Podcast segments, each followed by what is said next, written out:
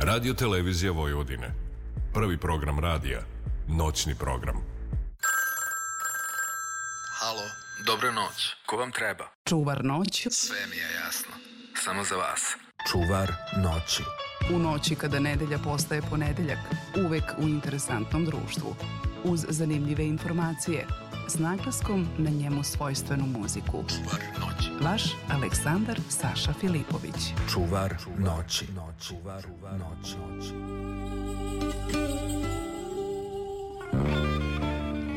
Jao, poštovane moje slušateljke i slušalci, jedan drag kolega, nikad mi kafu nismo pili tako dugo koliko ćemo razgovarati, ali ja sam imao neki dobar osjećaj, bez obzira na ideološke razlike, pošto on roker, a ja sam šlageraš, da ćemo se Miroslav i ja, Miroslav Stajić, složiti oko nekih pesama. Pa prvo, Miroslave, kako da te predstavim, novinar, jel bi to bilo nekako naj... To bi bilo najbolje. Jel tako? Da. Odličan ti je CV s obzirom da sam šest meseci mlađi. Kad sam video tvoj CV došlo mi da obrnem još jedan krug karijere. Dobro, ti si dugogodiš, ja moram, ne, ne mogu, pošto se znamo, čovjek mi je prišao na ulici jednom, samo da kažem kakva je bila situacija. Rekao, bu, jesi ti onaj naš kolumnista iz dnevnika, jel tako beš? Sreli smo se ovaj, tu. E, Miroslav je dugogodišnji urednik rubrike kulture u Novosadskom listu dnevnika radio je nešto i za našu kuću jako zanimljivo i jako intrigantno, pa ćemo pričati i o tome. Ali ajmo za početak, da li ja zapravo, što kod mene je uvek neki duh nostalgije, vraćam Miroslava Stajića u neke lepe dane, kada je on radio na radiju. Da li možeš vremenskom mašinom da se vratiš u te dane gde si radio i to, ej, četiri sata mi danas baš nemamo na našim radiostanicama formata da neko radi emisiju četiri sata autorsko da se bavi kulturom ili dru, do, svim ostalim sferima, sport. To je bio poseban izazov zato što uh, prvo Spin radio bio je prva radiostanica, privatna radiostanica u Novom Sadu. I sticajem okolnosti, moj jako dobar drugar, Sale arhitekta, je znao vlasnika I onda smo mi prvo počeli da radimo jednu emisiju o filmu, odnosno o filmskoj muzici koju smo onako filovali sa e, nekim interesantnim podacima vezanim za aktuelne filmske hitove ili za neke filmove koje smo ono, obojice volili da gledamo. I polako sam se ja, što bi se reklo, naukao na radio. Počeli smo da radimo još jednu emisiju, ovog puta dnevnu o filmu, a na kraju se to završilo uh, nedeljnim četvoročasovnim programom koji se zvao Klub kulturi ili Culture Club, kroz koji je prošlo stotine slobodno mogu da kažem, ono, umetnika, glumaca, pevača, nekih vrlo poznatih ljudi i evo, to smo ono malo i pred e, emisiju pričali kako mi zapravo žao što to tad nisam snimao jer bih verovatno imao nekoliko knjiga Ni, ništa intervjua. bolje od špajze, da je čovjek se čuvao sve neki intervju, sad govorimo Naravno. o formatima se možda radio hiljad, preko hiljadu 200 emisija tabloj, pa se radio i zabavnu nedelju koja je bila na tu neku priču kolaž na 5 sati, pa to prolazili to kad ti dođu gosti od, od tipa Vasila i Zafira Hadžimanda, kad bude taj široki pa do sportskih, jel, komentator, čak i e, Dragana Nikitović, jel tako si uspio? Da... Dragana Nikitović, to je, mislim, jedan od poslednjih njegovih intervjua, Stevo Žigon, Zafir Hadžimanov, takođe je bio u to vreme ono, violinista na krovu, bio baš onako u, u topu i gde on igrao TV-a i onda smo dosta pričali o tome, pričali o njegovoj karijeri, o filmovima koje je snimio, koji se ljudi onako nekako kroz maglu sećaju jer ga navrano povezuje više sa muzikom i više onim što je radio na sceni, a tek kada vide recimo nož, onda kao, mm, Ja. zafir. Ej, ali ti si mene totalno, da ti kažem, skoro imao sam košuljice drugi. Te hit dana, te pesma dana. Međutim, ti ja kako smo seli, malte ne otvori smo podcast. Što meni posle ćemo posle muzičke pauze to reći. Meni lično kod savremenih podcasta smeta što se to toliko priča po tri sata. Mislim, ko ima tri sata sad? Ili da usisamo, ili da pravimo sarmu, ili da usisamo, ili da nešto pišemo, da slušaš sa tri sata neći intervju. Meni muzika uvek nedostaje na radiju. Navikao sam se na taj starinski radio i vidi, drugo si me prijatno iznenadio dikcijom, znam te, znaš, ipak iz nekog sveta gde, gde smo se sretali po dnevniku po gradu, ali ovako kako si već došao ovaj, pred mikrofona odmah si krenuo, krenuo da ne, nema dernja, što mi radimo s televizije, nema skakanja oko mikrofona, nema koreografije. E, interesuje me jedna stvar kad si bio urednik i voditelj. Da li si gazio vokal, što ja konstantno radim i kažu to je nedopustivo. Novinar priča i pušta muziku, ne gazi muziku. Šta ćemo da radimo danas? Hoćemo da gazimo preko pesama ili ćemo da ih puštamo? Ne, ne. Treba ljude pustiti da slušaju, pogotovo taj izbor koji smo napravili, mislim da je zaista za slušanje i onda bolje da se nas dvojica ono, u, u to vreme I, ukišamo. ali vidi, mislim, Da je to prihvatljivo, možda se to meni ovde na radio Novom Sadu i na radio televiziji Vojvodine tolerisali. Ja sam spadao ljude koji po formatu imao osam gosti, pa sam onda upadao na pola pesme, pa sam pričao preko vokala. Što sve kažu, u ona vremena kad je postoje lektori kada mislim kad su vodili računa oni stariji e, starije kolege o mlađim kolegama ne radi se to ne ideš preko vokala puštaš muziku poštuješ neke norme i forme ali tako? Pa dobro, mislim, vremena se menjaju. menjaju se dobro. Neću ja ću se prilagoditi tvom nekom ritmu. Rekao si da ne gazimo preko vokala pošto mislim da si jednu pesmu baš namenio meni a nije ni omladinska nije pionirska a nije ni onome koji jaše konja bijeloga mislim imala Neda jednu Mila Majko jednog jaše konja bijeloga o, ti si za mene neprilagođen to nije period grupe film koji ja volim ja volim onaj s Tini Vargom Ti voliš sredinu 80-ih, Jest. a ovo je... A ja ovaj novi kraj ta- 70-ih. talas, ovo već potpada pod novi talas. Da, to je, to je taj live iz Kulušića. E, ne znam, e. A e, dobro, da li sam ja sad to... Pa sad sam ja ovde i da to, muzički. pa ovaj, e, ako nešto nisam skinuo kako treba ćeš da, da me urednički izgradiš. Ali fakat da drugačije zvuči na izvornom albumu nego na ovom mini albumu koji su izdali. Da. Pa evo, ja sam birao verziju, a izbegavao sam live. Pa sad ti me već... Ja, ja sam birao što je bolji kvalitet. I pošto ja ovde radim i posao muzičkog, samo da znaš, i pišem liste za Soko i... One Man Music Show. E, tako je. Što kažu, kompletan autor. Ovaj, dakle, idemo grupa film, on je to posvetio meni, Miroslav Stajić, kolega. Ja sam neprilagođen. Dobro, dobro je rekao. Film. I krcka ploča, sad ne znam. Ja sam dobru verziju pogodio. Pa virao sam gde je najlepši zvuk. Dobro je, dobro što krcka ploča. Neprilagođena, nećemo pričati kroz pesme, poštovat ćemo šta moj gost voli.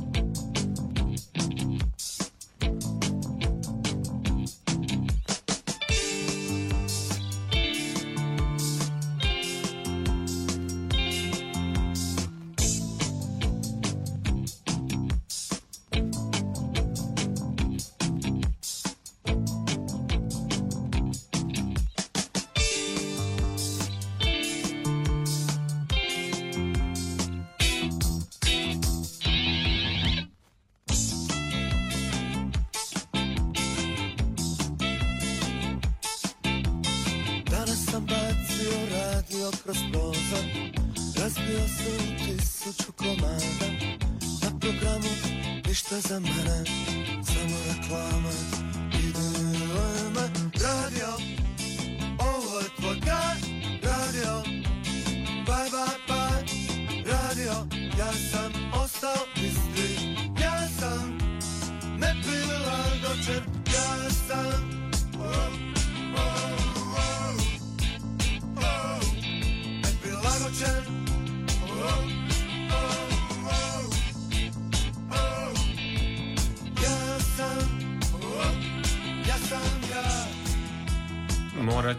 malo da ostanem neprilagođen e, zato što ovaj e, prosto navikao sam prvo radio sam koji se gleda onda radio sam koji se reklamira preko društvenih mreža i koji deli linkove.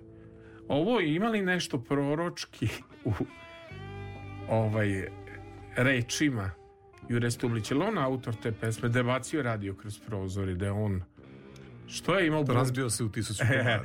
što je imao bunt prema radiju Ne, više on bi imao bunt prema nekim drugim stvarima. jasno, Nego prema radiju, jer ovo mu je dobro došlo.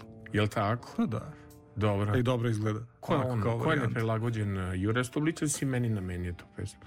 Tebi naravno. Meni? Dobro, dobro hoćete ti Ne, pitamo sa Jurom ne vredi ono raspravljati. ne to. vredi raspravljati, ali drago mi je da si baš uživao i da smo te vratili u neki period m, tvoje mladosti i odrastanja. Da li znaš e, kakav je bio osjećaj kad si kupio tu ploču? Da li si uopšte kupio ploču? Da, kako da ne. Pa, mislim, ja izvrteo sam jedno, verovatno 200 puta u tih prvih, ono, dva dana. Onda posle malo prorediš, pa se ponovo vratiš. Ali mislim da sam Sultane Swinga zapravo preslušao jedno hiljadu puta kada sam kupio singlicu. Da. Ono, non stop sam je vrteo. E, koliko smo, go- pošto smo tu generacija, koliko su se mediji tehnološki promenili u smislu da danas e, radio stanice uzimaju kompjutere koji po određenom programu jel e, biraju muziku. Mnogo je podcasta, mnogo je da li medije mnogo uopšte ka- kako sada razmišljaš o tome imam osjećaj ono kad slušamo neke radio stanice sa, sa ovim nacionalnom pokrivanošću ili komercijalne, da, je to uvek ista jedna pesma. Ja kad sam izašao iz Srbije, me dočekalo isto je sviralo, otišao sam na more desetak dana i vratio sam i to opet isto sviralo. Vidite, sve nekako po istu lajnu. Dino Merlin se nastavlja na ovu mm, Saru, mislim prosto kako bih rekao e, čini mi se da to mm, ide po nekom bezličnom ritmu. Moj dobar prijatelj koji radi kao DJ, inače već godinama, da ne kažem decenijama, e, ima teoriju da je zapravo sad postalo sve industrije. I da se čak i, e, ajde što se pesme preko prave po industrijskom modelu, koji će biti ono, ritam, kakav će biti sadržaj, uslovno govoreći, da li će se moći nasloniti opet na neki hit prethodni, budući, šta sve planiraju producenti da uradi, jer zapravo producenti sad više prave muziku nego što prave sami autori. Tako smo došli do toga da se zapravo playliste koje se vrte po radio stanicama praktično ne razlikuju. I Da. da, kako god da okreneš neku stanicu, naravno u zavisnosti od toga koja se muzika vrti, ali recimo ako se vrti elektromuzika, Da. onda su to praktično isti, isti hitovi, ako je domaća, gotovo isti hitovi. Znači sve je to sad već, da ne kažem, industrija. Opet, u naše vreme to je E, bilo malo drugačije. Pa nekako, znaš, e, slušaš... Ajde sad da patimo malo. Ma, ne moramo da patimo, nego, znaš, neko donese ploču iz inostranstva ili postojale su, jeli, kultne emisije na Pa radio Znaš da sam Novom radio kao no, DJ? Pa ja ne, ne znam, Ne znaš, pa gde dobro, si radio i kakvu muziku si puštao, pošto su mi bili ovde DJ. Pa, radio sam, I- bukvalno sam bio klinac i, I šta si jedno od, ono recimo Patrick Hernandez, Born, Born to to be Alive. Au, To- isto I to je volimo. pl- ploča koju je kumo je dobri prepošteni doneo iz Trsta kad je otišao po farmerice pa je usput doneo i nekoliko ploča između ostalih i tu onda je doneo recimo nekakvu kompilaciju E, to su bile one čuvene um, gde su hitove prepevavali neki onako no name likovi E, to je samo ličilo ali donekle na one originale Stars of 45, da se nije zvala e, ta to, ploča. taj Pa rad. oni u refrenima idu refrene. Stars on 45 Jeste, jel tako? E, e tu Bravo. sam recimo čuo uh, Dreadlock Holiday prvi put u nekoj onako Verziji, verziji, da. dok nisam naravno naleteo na original i rekao, ovo Je, zvuči. A, i, m, dovoljno jednom pusti Saša za Lepuginu nedeljnom popodnevu ili Dunja Lango koja je već vodio. Ti vidiš kako izgleda spot. Mislim, spotovi su bili, na primjer, da ne pričamo o onom čuvenom, kad smo već kod tih kultnih pesama, kad si ti bio DJ, Gloria Gaynor, I Will Survive, i onaj čuveni, ja mislim da je bila na klizaljkama. Šta je ko radio? Žena se klizala i pevala ja A ću bilo pre... je nje. Bilo je nje, bila, Bilo je bila Pa, je se žena. zato i ovaj, bolje Da. snalazila na Sećaš klizaljkama. još, e, dobro, to bi odmah išlo uz uh, tvoju pesmu, išla bi Gloria Gaynor, preživeću. Šta je još, ajde izvuci nešto s playliste, čega se sećaš još? Ispuštao Abu i Ring of Bell, Bonije, ovaj, je li, je li to? Summer, Je li Abba i ono- Bonije smelo da se pusti disko programu? Nisam, ja nisam bio nikad fan Abe. Bio sam Što? fan njih iz Abe, ali, Ali nisam bio, bio fan Abe. nešto Abe. Meni je to bilo više onako popica.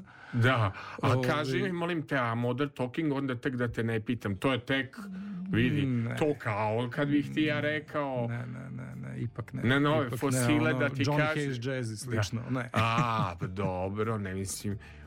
Odmah bi, na primjer, kad bi ti rekao, na primjer, ti bi rekao... Ali recimo meni, e, e, kao klincu, Bonnie M je bio skroz okej. Onaj, ovaj, Bobby. Bobby. Aj, Ruse, ovaj, kose, čeri, imaš koristio To te je- motive u pesmi. I e, pošto imam klinca od tri godine, onda sam puštao Bonnie M i priznajem da mu se svidelo, Dobro. pogotovo kad je... Tu su neki snimci nekih čudnih koncerata na kojima ti uopšte nije jasno da li je u pitanju fake, odnosno da li je matrica u pozadini ili se oni zaista nešto ono kao trude da pevaju. Jer zapravo Bobby nikad nije pevao ni na jednoj ploči. Na, prevao je producent, a e, Bobby je bio samo fikus koji je igrao i pevao na koncertima. I onda je to bilo prilično zabavno, onako, verovatno biti na njihovom koncertu. Joj, radio sam intervju, ali engleski mi je bio uvek tarzanski i pitam i njih Are you Evergreen Disco Band, oni počnu da mi pričaju o ekologiji. Oni su bili uopšte pojava, jednom su bili u Sava centru, ako se sećaš, 90. godine baš. Bili su oni- Sam ja za NS Plus ovaj, radio, ovaj, Oni su Boni. imali veliki koncert negde 80 i, neke, ono, baš je, bila je velika fešta ono, u Beogradu.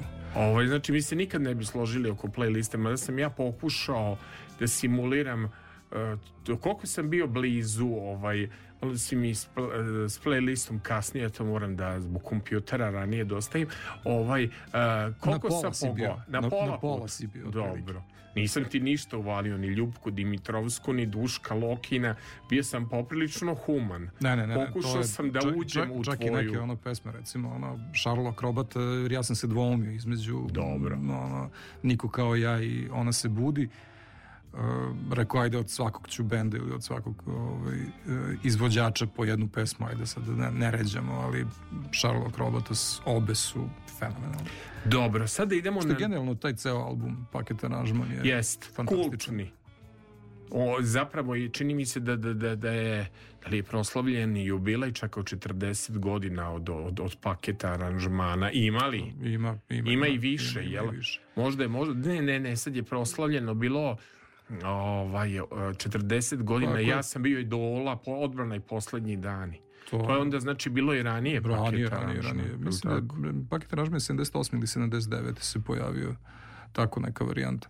Ove, ali se sećam kada sam mm, pisao tekst jedan o um, ovim momcima sjajnim iz Novog Sada, Leon Kovaču i njegovom Da. bendu, da sam, odnosno tom mm, setu koji su oni uradili, da sam baš napravio poređenje sa paket aranžmanom i da je jedan kolega iz Beograda bio oduševljen baš tom paralelom, zato što stvarno su klinci fenomenalni. Vidi, ja sam bio u Karlovačkoj gimnaziji u Crna ovca.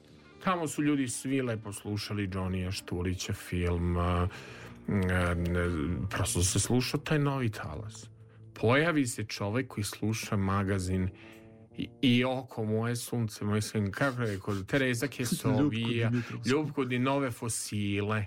Pojavi se čovek u Karlovačkoj gimnaziji, sluša šaj rode šaj, staviše me na stubu srama. Tad je bilo sramota da ti slušaš šlagere, to se znalo.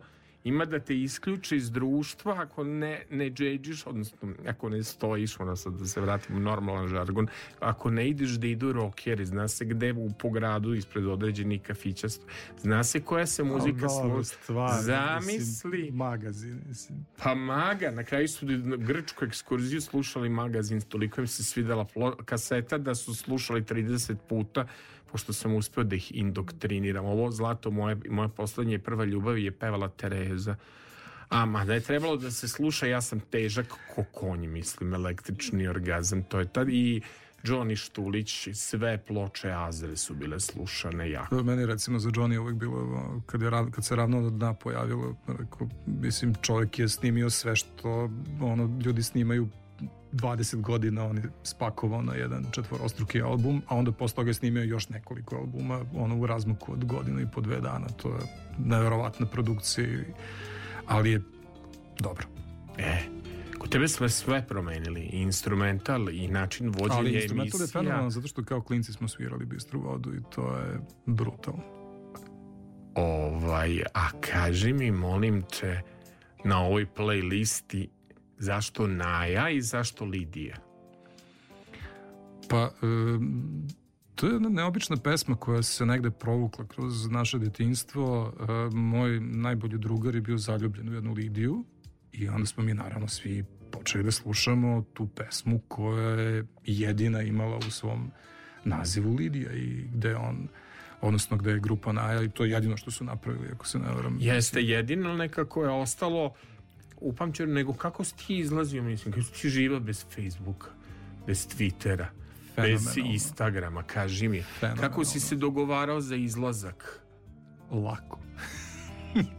Kako je dogovarao za, na fiksni telefon? Ma sad kaži ovim mlađima koji dolaze, moji hodočasnici su ovi, znate ja sam rastao uz vaše Ja, emisije, a onda ja i dođem ti, da... ti mladi sad eventualno koji slušaju ovu našu emisiju kada da šta ova dvojica smaraju ja Pa nije, kao, sad, kao pa njihovo vreme kako kako, je su se bilo. to ono Tvoje da ispričaš, a ono, njihovo da baciš, prebace. baciš pogled prema devojci pa dođeš pa joj priđeš pa joj kažeš pa ono kao pa šta pa gde si pa zašto si pa kako si a sad ono uđem u kafić i vidim ono Sve četiri, četiri gledaju u sve tele- gledaju u telefona rekao dobro u redu je Dobro. ono, baš se Jel- ludo zabavljaju Je, jel, jel taj tehnološki napredak e, pogodovo našoj struci ili je degradirao? Za nas koji bi malo ozbiljnije da radimo posao u smislu mm, što je mnogo medija, što je sve na klik, što je sve na izvolte, što je, vidi sad je i vremenska prognoza senzacionalno.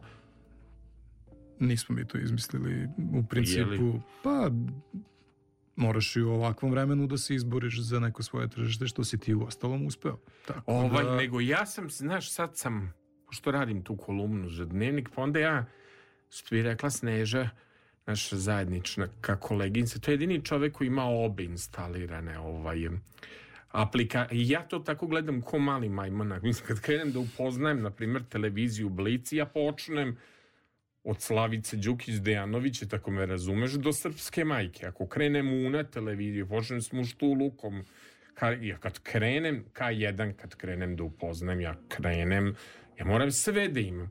Ali to je, znaš šta sam primetio, to je jedno radno vreme. Ja kad pišem kolumnu, ja samo jednu televiziju da bi pogledao, toliko novih formata, da ja ne mogu da stignem tehnički da se bavim. Ide mi odlično ovaj posao dok pripremam svoje formate subotom sa Sašom i no, čuvar noći, ali e, biti TV kritičar danas i pratiti sve to je jednostavno nemoguće. Mnogo je tržište, mnogo je televizije. Slažeš li se sa mnom? Pa, naravno da se slažem. ono, m, Ako opet se vratimo u ono vreme naše, imao si dva programa pre, baš za novu godinu smo nešto divanili i komentarisali smo kako je zapravo potpuno suludo e, da ti u današnje vreme praktično ni ne obraćaš pažnju na to šta će biti na TV-u u novogodišnjoj noći. Kao klinci smo svi čekali koji će to film iznenađenja ili uopšte generalno koji će film biti pokazan ono nakon nakon što otkuca ponoć i nakon što se popiju čaše šampanjca ili vina ili bilo čega onda ono iščestita se i spremiš se da gledaš recimo tad jedan od ono uh, Formanova ovaj, ajde sad ti meni podsjeti Je li bio let iznad Kukavičeg Nije gnezda? ne, ne, ne, ne, ne, ne, ne, ne, nego Koji? kosa. Kosa Kosa, led. pa Nije, i onda ali- posle ponoći kosa i onda pa, sedneš i gledaš kosu i posle toga ideš na spavanje. Pa, vidi sad u poslednje vreme Što na, na, na, što javnim će- servisima ne znam koliko puta tesna koža i ona žikina dinastija, ali da, kosa je bila, jel? Ali znaš e, šta, šta, šta, šta si je bila zapravo dva moja... programa i onda si u ta dva Ovaj- programa si se nekako ono upetljavao, a sad Za- imaš 200 programa filmova samo. Za, zamerka serije. moja neka javnom servisu je bila da ovaj ne može to čak da je i novogodišnji program tako je jednolično i da ne može da bude toliko blizu cajke, jel me razumeš? Mora da se zna granica između Hanke, pa u ono vreme se naše znalo gde peva Šemsa, gde peva Sinan, zna se ko je pevao Cune Tozo, ako me razumeš, znala se granica između javnog servisa i radio Šapca. Na Isto, radio. Šapcu su bile želje čestitke i poz... Ja sam zamerio da nije bilo pop muzike u novogodišnjem programu, ani trag tvrđeg zvuka. Priznam da Sve je nisam bilo... novogodišnji program na televiziji gledao Kako 30 nisi? godina. 30 godina nisi gledao. Dobro, onda ću te ostaviti u tvom vremenu, pošto imam da te pitam o tvojim formatima na televiziji, tvom radu na televiziji, nego pošto nećemo... Pri... Kaži mi, si nekada nekoga zaveo na fiksni telefon s tim glasom. Naravno. Sad kao oni e, s radio Novog Sad, ljudi, da vi Beograd, znate, samo, Beograd 202 nedeljom uveče. samo da vam kažem, moje koleginice, neću da imenujem kolege, slušala je radio Novi Sad i padale na glas pojedinac. Oni su skidali glas. Imala je ITD band jednu pesmu Skidam te pogledom, ali kad progovori ovaj na fiksni telefon ili kad progovori preko mikrofona on... Dobro veče. Dobro veče. On svuče devojku. Jel me razumije? To, to, to, ta šmekerska škola iz naših vremena, možeš razumeti, posebno su ovi voditelji sa radija, proliš radi na radiju, pa nastavi u dramskoj sekciji, pa nastavi onda da nešto pi, mislim, umetnici su u ono naše vreme bili na ceni.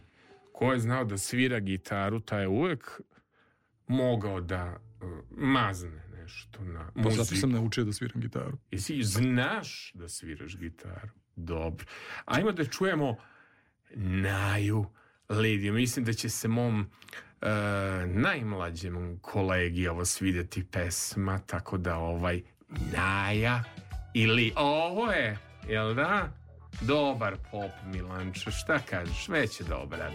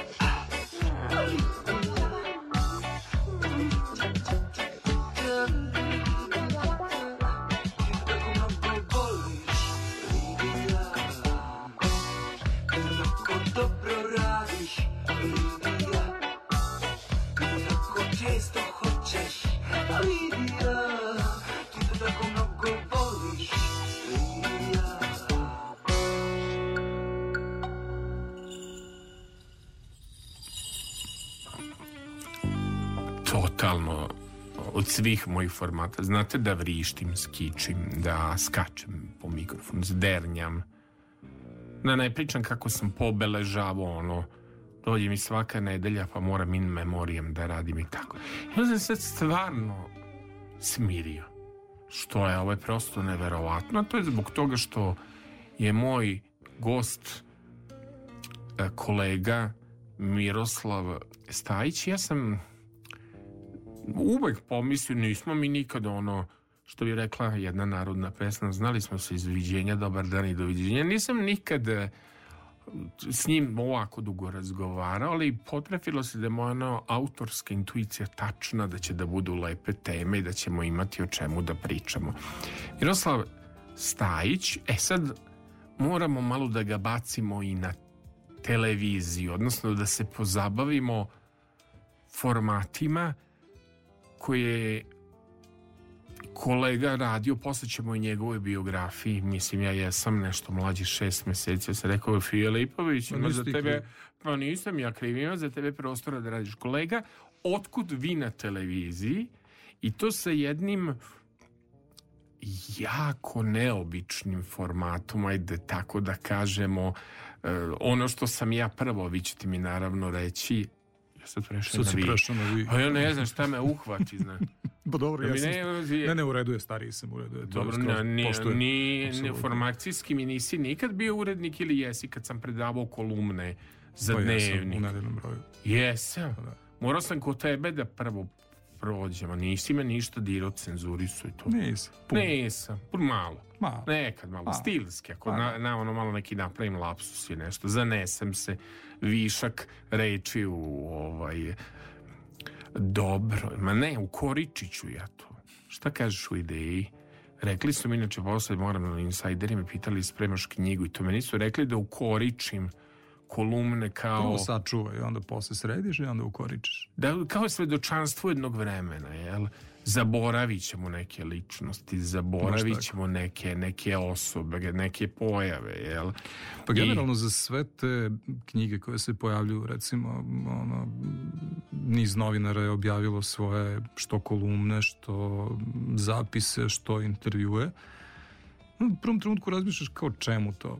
A posle shvatiš zapravo da je to zaista svedočenje u jednom vremenu. Bez obzira na činjenicu da to možda danas neki likovi nekome ništa ne znače, ali e, oni koji su uživali u tom vremenu ili koji bi sad možda da se vrate u to vreme ili da naprave nekakve paralele onda i sad, to im dobro dođe. Znaš, ja jako volim publicistiku, bar kad se bavim ovim poslom em, koji je vezan na ovaj ravi- volim Zlatka Gala da čitam mm, ovaj njegov njegov volim Sinišu Škaricu da čitam prosto volim ljude koji svedoče o duhu vremena pa onda kroz publicistiku ili kroz knjigu ti se podsjetiš jeli, i bendova i podsjetiš se mm, da su se izdavale neke ploče, da je bilo neko drugo vreme. U nekom tom kulturološkom smislu je muzika nije bila kao danas da je industrija i zabava za tabloide, nego je kroz muziku i postala jedna i sociološka poruka. Pa vidi, postala je hrabra erotska poruka. U, u vreme čednosti, kad ti poljubac nisi imao na državnoj televiziji, a soft pornići se gledali u narodnom bioskopu, pa kakva je Pojavi poruka? se Azra. Pa da, pojavi se Azra. Ali i pojavi se, na primjer, Marina u onom momentu. Dodirni mi kolena, to bi volala. To je za socijalizam. To nije u socijalizmu bilo Odnosno na izvolte. u ovom slučaju. Za nanimani. To nije bilo na izvolte. A Marina Um, je spominjala sobu 23. Da, ja pričam o Marini Tucaković, dodirni A, mi eto, kolena, da. ko je to? A, Ali to. vidi, šta je soba 23 značila za našu generaciju koja je samo znala za soft ovaj, filmove, ili tako, u narodnom bioskopu. Šta je značio spot soba 23, gde se I Ljuljuška svi smo bili zaljubljeni u Marinu Perazić. Ovaj, jel da da je Marina Perezić bila revolucionarna pojava tada uz program tvog kompjutera? Još kad sam čuo da je iz Novog Sada, pa rekao, sestro, šta radiš Ma tamo? nije iz Novog Sada, Dobro. Firči je. Firči je zaludeo. I Meni je Firči bio prvi urednik na Fofites televiziji negde na Spensu, samo da znaš. Firč, svi me vidio kako si uspio Firče da dovede, pa to su stara poznanca. E, nego, kako si došao do televizije i, i tu si neki ponudio mm, zanimljive revolucionarne formate, drugačije od ostalog, pa ćete onda naravno pitati u starom Novom Sadu šta je bilo, nego ovaj, kako si uopšte došao do ideje da e, pored e, novinarstva, ovog u pisanim medijima da posla, hvala Bogu, ima dosta. Kako si došao do ideje da počneš i televizijom da se baviš? Pa, e, pre ovih serijala koje sam radio i radim za radio televiziju Vojvodine, zapravo sam e, ponudio i prihvaćen jedan serijal koji je mene zanimao, a to je i oni srećom i dalje ide, zove se nauka privredi, jer dosta drugujem sa ljudima koji su iz akademskog ono, miljeja, koji su u laboratorijama, puno rade, puno istražuju, dosta su toga uradili, ali naprosto to malo ljudi izvan njihovog faha primeti. I nekako je meni to bilo zanimljivo. S druge strane, moj mogu da kažem i prijatelj m, akademik, akademik Sloba Marković sa PMF-a u jednom našem razgovoru je rekao, inače čuveni dizač tegova, je rekao da kao, zašto ja to ne bih radio? Sedeli smo u, u, ovaj, na limanu u Makijatu i kao, kao šta? Pa kao povežeš. Mislim, to što znaš, što si novinar i povežeš naprosto sa tom nekom drugom pričom koja je iz naših laboratorija. I tako je počelo prilike da se raspliće. Um, taj prvi prva sezona recimo bila još malo ono kašljucanje, pronalaženje, kako snalaženje, kako bi izgledale priče, na koji način. A evo sad je skoro već 200 emisije. 200. A kaži mi za, Izašlo. za ovaj serijal koji je drugačiji. A onda, da, e, kad naprosto prepoznaješ format u kojem si počeo da se snalaziš, jer praktično ja sam posle bez malo 30 godina u novinarstvu počeo da ne računam radio, dakle, kao jedna druga vrsta medija, da na neki način se oglašavam i slikama. I kroz koristeći zapravo nešto što sam sam istraživao e, Delo bi me je zanimljivo da jednu priču koja je možda nedovoljno ispričana, to je o zanimljivim novosađanima, odnosno kućama i prostorima u kojima su živeli, da je predstavim i u televizijskom formatu. E, Naravno, dosta toga je i pisano i ispričano o istoriji Novog Sada, ali se meni ovaj deo, ovaj ugao činio zanimljiv i tako je nastala serija koja je prva emitovana, to je Mapa Novosadskog blaga i koja se srećom e, baš i dosta reprizira. Ona je pre dve godine imala premijeru i bezmalo svakog meseca ima 20-30 repriza. E, to su opet s druge strane zanimljivi formati jer su emisije kratke, to je 15 minuta i u tih 15 minuta je zapravo ispričana priča o jednom delu grada, o nekim ljudima, o nekim pojavama iz naravno istorije Novog Sada do drugog svetskog rata. Tokom istraživanja za tu emisiju pojavilo se niz još zanimljivijih priča, ali sa neke sive ili crnosive, sa nekih crnosivih stranica istorije grada i mislio sam da bi to bilo zanimljivo ispričati u televizijskom formatu. E, Mi imamo, znači, nismo mi uvek tako što se misli na... Kako ti je Novosađane bi upisao? Ovaj jao, znaš, imali smo baš jednu sad lepu rečenicu na emisiji a, Novosađani kad te ne vole, to otvoreno pokazuju, a kad te vole, to ne pokazuju. pokazuju. Jel to je istinita rečenica? Pa, Ovaj, e, I da, da li je ona e, teorija moja što si pustio kao urednik ovog kako teško biti udata novosađanka kad sam opisivao novosađanku da je ladna kao sladoled, da je nevina kao uzeo sam junakinju neku iz Beverly Hillsa, tačno sam uzeo prototip novosađanke. Su te tačne priče o mentalitetu pre nego što budemo išli na neke ove priče iz istorije koje si ti obradio na jedan originalan način. Je, su te tačne priče o novosađanima, no, novosađankama, o mentalitetu ljudi? Pa, iskreno mislim da nisu. Nisu? Ne. Zašto? E, Naprosto, evo, ljude sa kojima sam ja sretao, budući da je posao takav kao i tvoj, da sretneš puno ljudi, e, zapravo se razlikuju više od e, kućnog vaspitanja, okruženja u kojem su živjeli, ne od Znači, ali onog uskog okruženja, prijatelji, drugovi, porodica, ne toliko grad. E, Sretao sam ljude sa, sa potpuno istim načinom razmišljanja u Zagrebu, Beogradu, Sarajevu, ono, Poreču, Skoplju i potpuno drugačije u, u istim tim varošima kao i Novosađani. U vojsci, Mhm. možda neverovatno, ali Da. e, moja dva najbolje prijatelja iz vojske su iz Prištine. Obojice su preko. E, danas e, dva elektroinženjera, jedan je e, sin negdašnjeg rektora Prištinskog univerziteta Burim Karahoda, drugi izvanjavali Florent, čovjek koji govorio sedam jezika. I učio je, dok smo bili u vojci, učio je španski. I to onako ležeći na krevetu iznad mene i ovaj, A ti si vojsko služio u Nišu. u Nišu. Ja, jel nije, jesu ti nekad one Bregovićeve pesme gde ono peva On je vojničke služio, dane, on je grad? služio u kasarni preko puta. Da. Neku godinu ranije.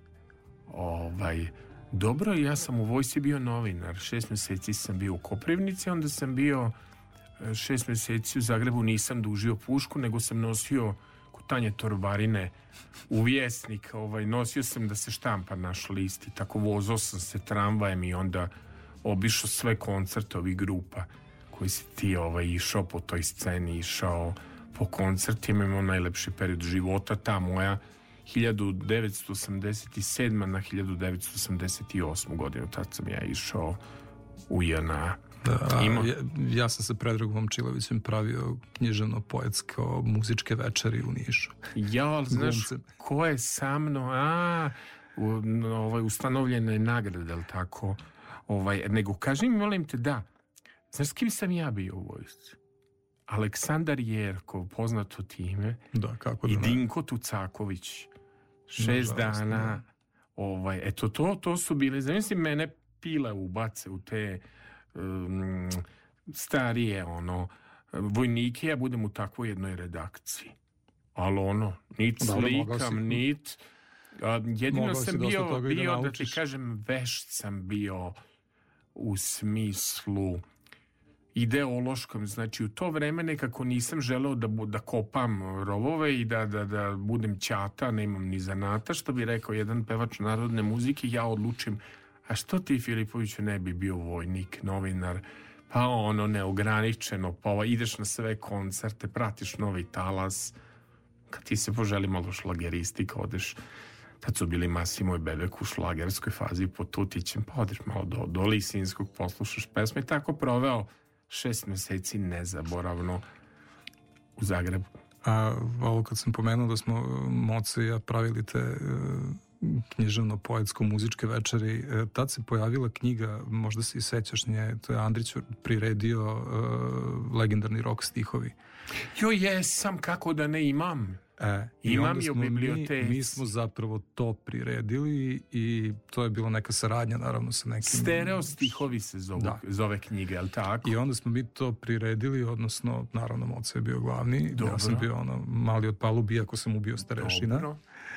O, kao klinac on je došao posle akademije i e, sa nekim gimnazijalcima smo to niškim radili u nekom, više se ne sjećam, nekom domu kulture. Bilo zanimljivo.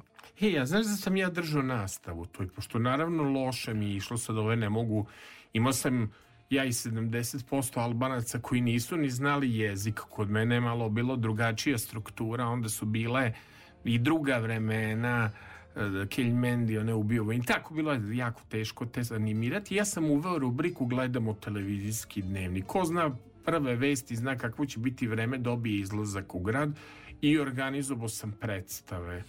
Do duše, kod mene bilo je lepe brene, bilo magazina fosila, ne bih da ti govorim o mom ukusu, slošilo biti se. Pa predlažem da onda krenemo na običnu ljubavnu pesmu od grupe Aerodrom. Niko nije tu pesmu predložio. Zašto voliš običnu ljubavnu pesmu?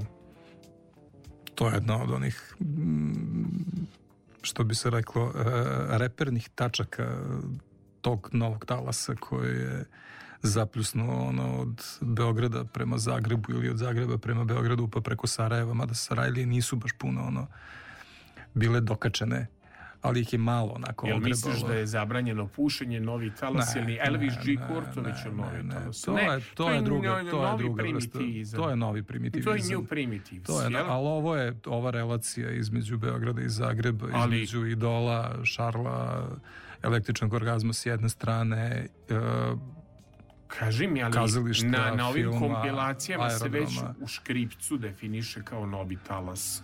Laboratorija zvuka, ali to tebi novi talas. ne, laboratorija Da, je posebna priča. vidi. To, To je- Vranešević i društvo, to je nešto što je bilo izvan svih ono, tih talasa je baš laboratorija zvuka koja je i sjajno zvučala i imala jedan potpuno drugačiji pristup muzici u odnosu na ove koji su ipak pravili hitove. ovaj, dobro, znači to je ta priča. E, znaš ko mi je cimer na CMC festivalu i voli sa mnom da ide da sluša Grdovića i da ide da sluša Stavrosa, vodim ga tamo na te. Išli smo čak i na promociju Nives Celzijus i Lidiju Bačić Lile. Branko Rosić, naš čuveni novinar. A znaš koja nam je omiljena pesma? Rano od mi ne. Rano sunce ljubi. Vidiš, i kod pankera i rokera možeš, da li postoji jedan šlager u životu da ti je dirno dušu? Sad, da izađemo iz ovog novog talasa i da kažeš pogodila me pesma, a da nije rock. Uh, kad smo bili ajde ne klinci, nego ono, tu negde tinejdžeri, onda smo znali da idemo ulicama i da pevamo laga, laga, la, siga. I onda svi, Tamara, koliko nas bude, da. četiri, pet, šest, nema veze, deset, onda ono na kraju, "Ah, Fenomenalno. Evo, saznali smo neke stvari dobro posle. Naravno, čim nisi predložio Fratelo i Dignimer, onda verovatno ti ulazak Rajka Dujmića kao aranžera na sledećim pločama nije prijao aerodroma. Čim si odabrao ploču ranije, ovo je obična ljubavna pesma. Jel to posle Fratelo došlo je na komercijalna faza kad ih je Rajko Pa svi su oni krenuli posle u komercijalu. Jel? Mislim, čak, i, čak i Houra i društvo. To je... E, doći ćemo do lačnog Franca. Znaš li ti, ajde, ja ću ti samo reći jedan podatak, da sam ja ovaj upoznao Zorana Predina u Mariboru i da je on prodavao ploče. Ali razlika od drugih ljudi koji su prodavali ploče, ti si kod Predina mogao da dobiješ slušalice i mogao si da preslušaš ploču. To nije bilo u Novom Sadu ni u jednoj prodavnici. A u Mariboru odeš kod Predina, on ti Zar da nije bilo u sluša. muzičkom magazinu? Jel bilo? Bilo, Bilo je je. u muzičkom magazinu. Pravo si. Bilo je u muzičkom magazinu. Muzički magazin ulici. je imao ovaj ploč. Jeste, jeste Jel i tako? moje slušalice, Bravo. tad prvi je imao slušalice. Podsjeti me zaista i na, na gde se moglo kupiti Pa vidi, moglo i na delinari, nije moglo se sluša ovaj, na, ploča, ali mogu si da kupiš ploče na prvom spratu.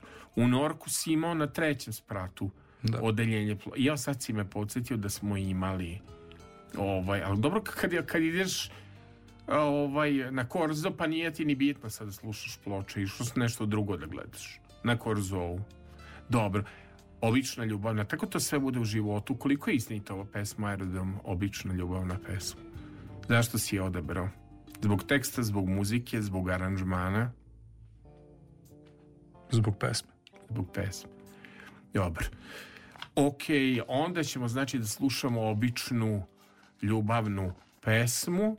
Dragan Vukmirović je zaista u čudu kako sam ja miran, jel da? Nisi me, Dragane, nikad video tako mirnog i tako cool. Dakle, obična ljubavna pesma i aerodrom. O nečem što si već odavno možda htjela čuti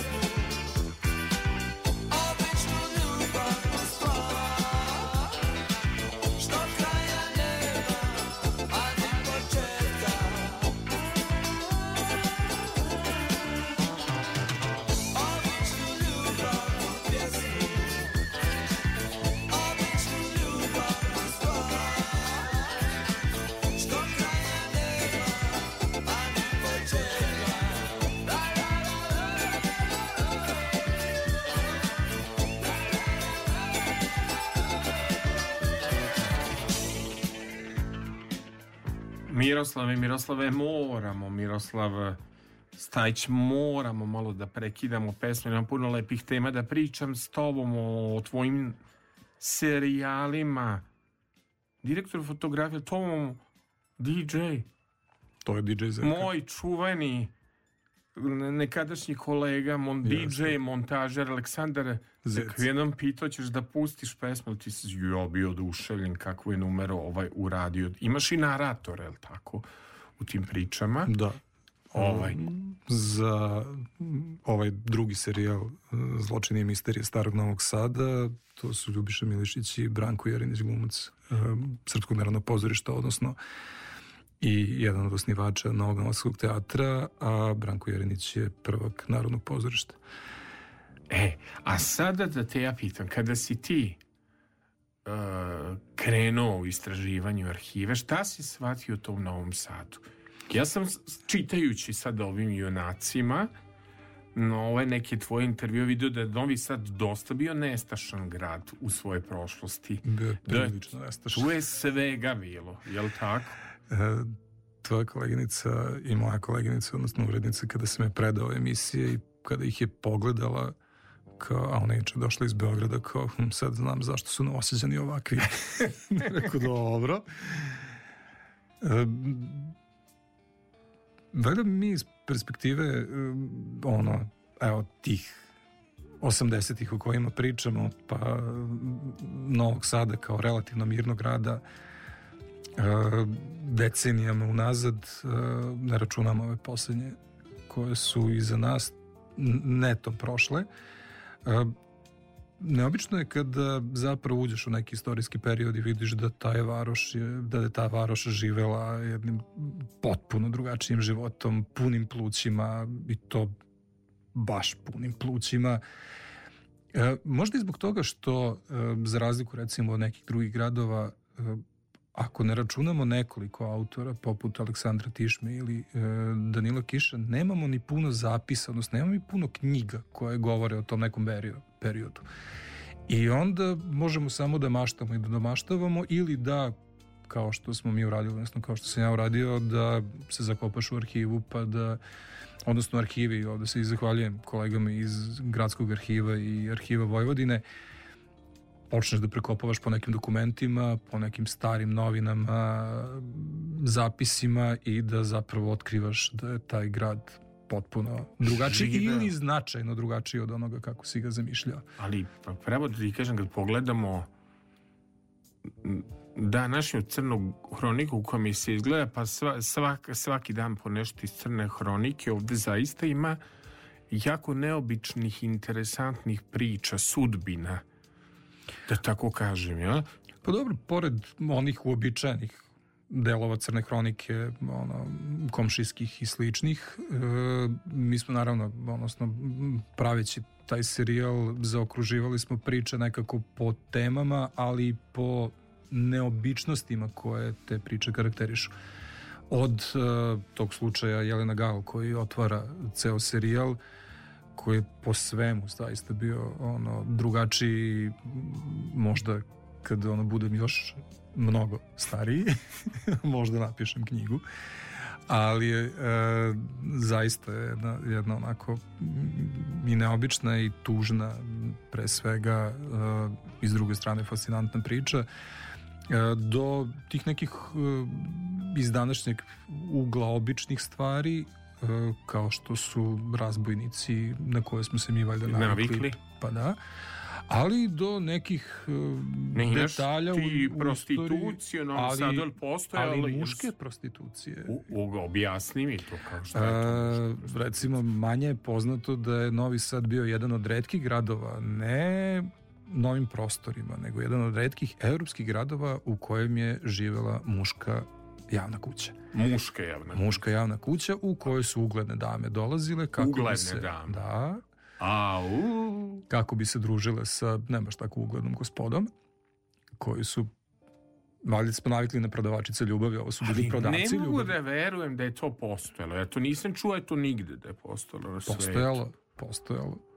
I? Kako ti mislim, objasni mi, uđeš u arhivu i kako ti sad dolaziš do podatka da je postojalo u Novom Sadu Pa, A, e, da je postojalo. Otkriveno je zapravo na temelju racije koja je Dobro. sprovedena, koja je policija sprovela raciju i našla je, odnosno ustanovila je šta se sve tamo dešavalo, a e, pozadina cele priče dodatna, ili da ne kažem začin, možda je bolje, da je jedan od e, tadašnjih šefova policije zatekao svoju ženu. Zatekao ženu Jeste. u,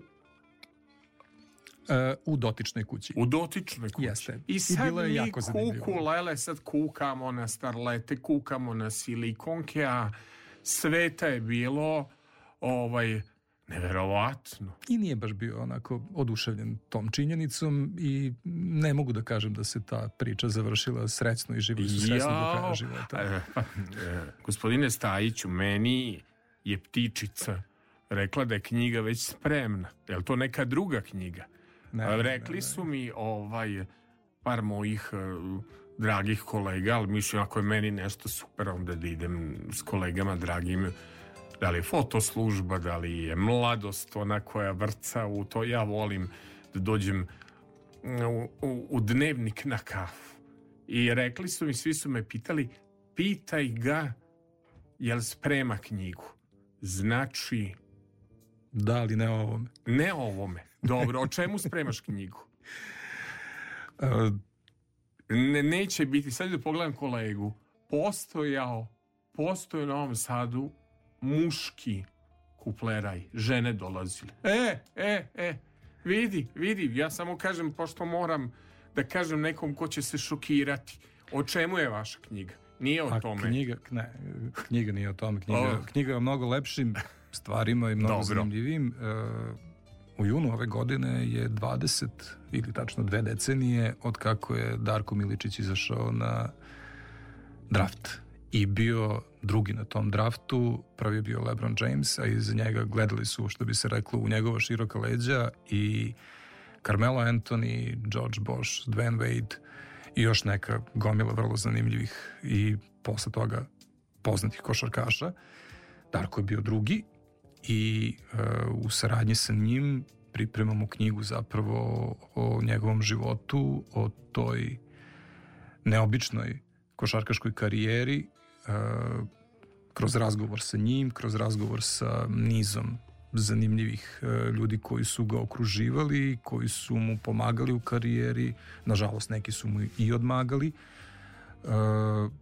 i mislim da će onako biti zanimljivo.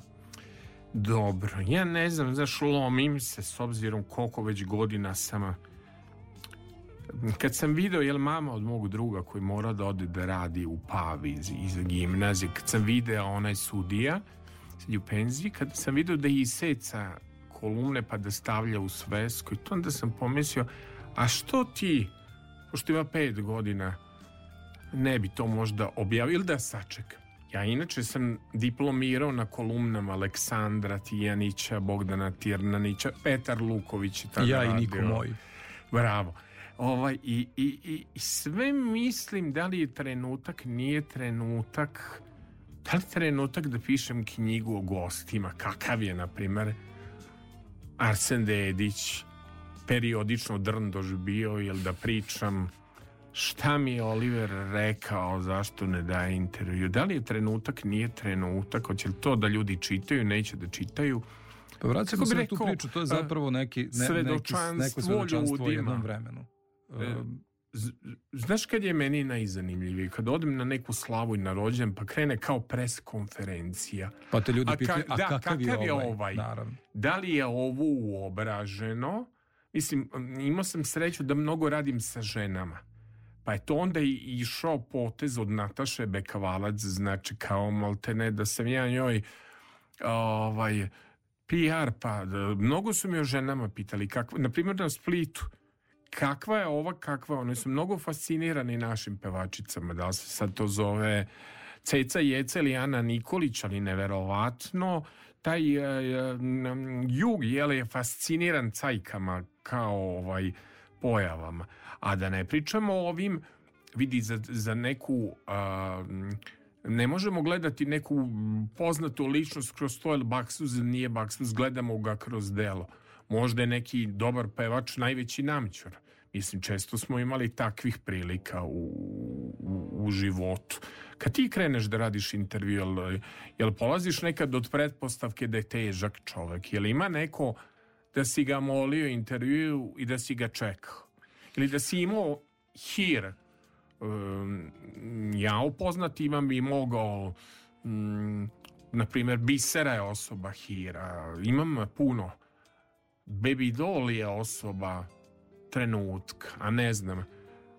Kaliopi je nežna uh, topla uh, Feno, Sanja Doležal je friendly. Dobro, Jel bi- moje iskustva su unoliko drugačija iz prostog razloga što nisu se gledali na TV-u, odnosno nisu morali da razmišljaju o tome kako će izgledati kad se pojave.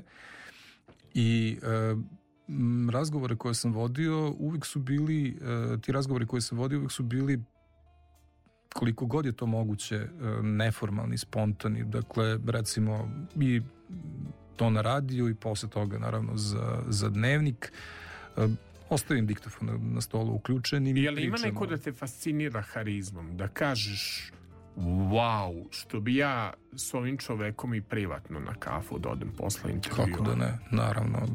Ljudi koji od toga e, da mogu da govore, da ne kažem satima, ali dugo i da se pri tome u digresijama koje prave vrlo precizno vraćaju na tu rečenicu koju su negde završili sa zarezom, da imaju takvu koncentraciju, da imaju fantastičan jezički aparat, da pri tome naravno barataju i e, ono podacima e, i naravno da mogu da oblikuju to što žele da kažu na fenomenalan ono, baš književni način. Naravno, bilo je i onih drugih koje uh, si morao da peglaš, koje, uh, kako je to jedan moj kolega lepo rekao, koje si morao da praviš pametnim, ali takav je posao. Ali srećnim sticam okolnosti stvarno, ono, uh, pogotovo posljednjih godina od kako sam se fokusirao na kulturu ti ljudi sa kojima razgovaram su uglavnom sjajni imaju šta da kažu a i ja se potrudim da ih pitam da na to što uh, što ih pitam imaju valjan odgovor Znaš, ko je na mene, na primjer, ostavio, ostavlja uvek utisak Igor Mandić, ovaj, da. svaki neki susret. Iako se nekad u nekim stvarima ideološki nisam slagao sa njim, jer je on ipak hercegovac negde poreklom i živeo, ka, e, živeo u Sarajevu i imao neki taj... e, fascinantan mi je bio Momo Kapor privatno, u smislu kakva je ta harizma, kako on čovek je šarmer, barata tim rečima, ajde ovako, kad sam se jako dobro osjećao, bio sam um, ovaj, na promociji knjige Aleksandra Stankovića i taman da ga upitam da li mogu da ukradem njegov model knjige. Jer, znaš, za moje goste neko je zaslužio četiri strane, neko je zaslužio jednu stranu, neko bi zaslužio narcis, neko bi zaslužio egoista ili zaljubljen u sebe i onda sam teo da pitam Acu da li bi ja mogao taj model da maznem. U smislu on je pisao ličnosti, Matijaniću je dao četiri strane, mama ga je posle nedeljom u dva pitala kako si mogao da budeš tako odvrat. Jesi mi sin, ali ima baš promociju tu kod nas u studijema. I onda je on meni prišao što to nekad ne rade kolege. Možda mi je jedino Zoran Kesić tako prišao.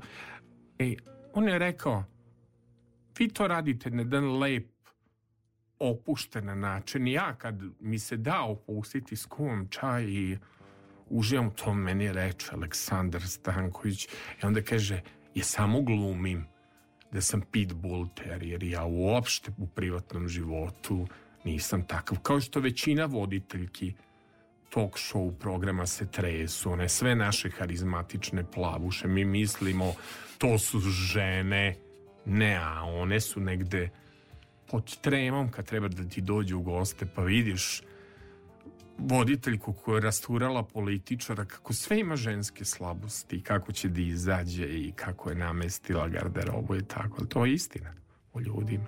Pa naravno. Uh, klinac sam bio, baš klinac, klinac, uh, i u Domu kulture u Sirigu je gostovao tad uh, Nikola Ki, Kirović ili Karović. Više. Karović, Karović. Ka, Jeste čovek koji je i- najviše pevao Titu, onaj I, o, Slavko Perović, uh, Meksikanci. Ili je pevao Uh, crnogorski? Usnija Redžepova. Usnija, čuvena, da. I e, stan mojih roditelja, budući da je Đale kao agronom e, bio u tamošnjoj e, tamošnjem poljoprivrednom preduzeću, stan mojih roditelja je bio recimo dve kuće od Doma kulture. I e, Nikola je video antenu na krovu. I izašao je sa koncerta, znači on je otpevao verovatno šta je imao da otpeva i izašao je sa koncerta, valjda je Usnija nastavila da peva, on je izašao sa koncerta i došao i pokucao na naša vrata, jer je od nekako u to vreme išla emisija na televiziji Beograd, na tadašnjoj televiziji Beograd, prvom programu, gde on pevao. I on je došao čovek da pita da li može da uđe i da li može da se vidi. E, to je, mislim da je to odgovor zapravo Vidi- da i u to vreme su ljudi jako vole da se vide na ekranu. Jedan od mojih prvih zapravo gostiju emisije Evergreen Odiseje bio Nikola Karović koji pevao meksikanske pesme i bi, bi prve neki što smo radili reportaže bilo iz njegovog doma u ba... to je sve po PS-u taj čovek je toliko puta bio na Galebu toliko pevao drugu titu jel me razumeš? Znači čovek koji je živao za svaki televizijski nastup da ti ne pričam kako je domaćinski. Kad si ide u gostovanje to je kao slava ili neki svečari to stiže i bombonjerica i prigodno piće i tako. Hvala ti na ovo sećanje ovaj na Nikolu Karovića nego dade mi ti jedan lep šlagvort. Sad smo pričali vidi nikad nisam eto znao ovo će ostati za mene neverovatna pojava da je Novi Sad imao muški bordel za dame i ono šta misliš u ovom vremenu bilo manje frustriranih žena ljudi kad bi bilo tako neko mesto da smire te, te, te strasti. Jer kod nas negativna energija počinje od neispunjenog freudizma ili od primitivizma. Kako ti to tumačiš? Da li ti da naš, primitivizma. naš problem primitivizam, a ne freudizam, jel? Što, što nekako se I bojim se utkao. da to ne bi izlečila ni jedna javna kuća. Misliš Hmm. primitivizam? Mm, Šta je primitivizam? To je kako se ponašaš u redu u prodavnici, to je kako se ponašaš u saobraćaju, to je kako da li psuješ. Zna se kad se psuje ili, mislim, prosto mi, ovaj, ja nekako e, sam zgrožen pojavom primitivizma koji se ispoljava u svakom redu, da li je pošta, da li je mobilna telefonija, da li je pekara. E, nije nama žena na kasi kriva da da trpi sve frustracije. Nekad pomislim kako je ovima jadnima. I kažem, jednoj sam gospođi rekao, baš prepoznala me. Gospođu, mislim, on je izašao neki tip, ide Cajka, ide Šako, ide Lukas, ide već do ekipa, kako uz, uz tog lika ide i odgovarajuća muzika, kako se slažeš kao metafore. Kažem, gospođo, ja nisam znao ovde na pljeskavicama i na bureku da je vaša glava u torbi. Ja nisam znao da danas raditi u prodavnici ili raditi na šalteru da ti držiš glavu u torbi. Ti ne znaš kakav lik može da ti iskoči. I da je mal laki malo nervozan, jel? Dobro, samo digresija. Pa, Činjenica jeste da su ljudi e, nervozni, da su potrazi za vlastitom egzistencijom ili urnjevi za vlastitom egzistencijom naprosto pogubili nekakve i one e, ajde ne kažem manire, mislim, jer to je vrlo problematično da li su ih imali ili s njih nisu imali, ali e, naprosto te neke ograde ili te neke zadrške koje su ih bar držale u određenim okvirima normalnog pristojnog ponašanja. Nikom od nas nije lako, e, svako ima neku svoju boljku, Muku. muku životnu, ali zaista neko sa druge strane kase, neko sa druge strane šaltera nije nužan i nije, nije e, dužan na kraju krajeva da to trpi, mada činjenica jeste da i ti ljudi sa druge strane e, znaju ponekad da iritiraju, ali sve naprosto mora da se nađe neka mera, što bi rekao drug Sterija, sve su smera Jel tačno ona rečenica koja je citirana dosta puta iz moje kolumne? Bolje da se iz, iživljavam na čvarcima, na stišnjenoj šunci, na slaninici, nego na ljudima sa kojima radim. Jel mi to Držim- tačna držim se rečenica? čvarakama. Se držiš čvaraka? stišnjenu bih preskočio. Preskočio bi. A, Ali čvarke a i slanina? slaninicu, apsolutno. Je li ide i neko pićence uz Ne. to? Ne. A Poslednjih muzika? 40 godina. Ne. Dobro. Ti si 35. šesta, jel? Mislim, nisam dobro, baš 35., to je priča ali- o tome Ali sam u to vreme kada je 35., grupa, grupa Balkan, kada su oni počinjeni, sad ćemo malo pričati o novosadskoj To je pop rock 70. sceni. To je baš ono sredine 70. Hvala ti. Mi, mi smo imali drugu pesmu u nama zaposleni u našoj maloj firmi, ali ti si se odlučio baš za pesmu koju nikako da mi gosti odaberu i hvala ti zbog toga što si pogodio moju muzičku... Znaš kako sam ja inače slušao muziku? Ja nisam buržuj kao ti da sam imao gramofon. Ja sam imao JVC-ka do duše iz Japana, pa sam snimao, čekao da voditelj u randevu s muzikom, da li je Vita ili Bogica Čupko, da najave, ja da snimim. A ja sam prvo imao Grundigov magnetofon. Molim, i si Da, snimao trakaš, sa radio. naravno. Kako si mogao da snimaš na Pa slušaj, sve može. Jel može? Stavio mikrofon. Sve može, Švekašo, naravno. inače zvaćemo i Mušickog i Boru Otića, to su ti naši DJ-evi, oni donesu utorkom. Prva pesma koju sam Koju snimio je bio je snimio? Elton John i Kiki D. Joj, to, Breaking My Heart. ovo to je jako lep duet. Jeste. Jel? Kakav je to stav o Eltonu Johnu? Jel zaslužio sva ta priznanja muzička životna Apsolutno. koje ima? Apsolutno, mislim. I, kako su ti svi ja s Ma da ne bi imao ništa protiv ni one njegove kuće u Veneciji. ono. Jel? Nego kako ti se sviđaju ovi filmovi o Freddie Mercury i Whitney Houston? Izgledao ili nisi gledao? Nisi se opterećivao tim Nisam, filmovima? nisam, nisam. Budu E, nekad limunade.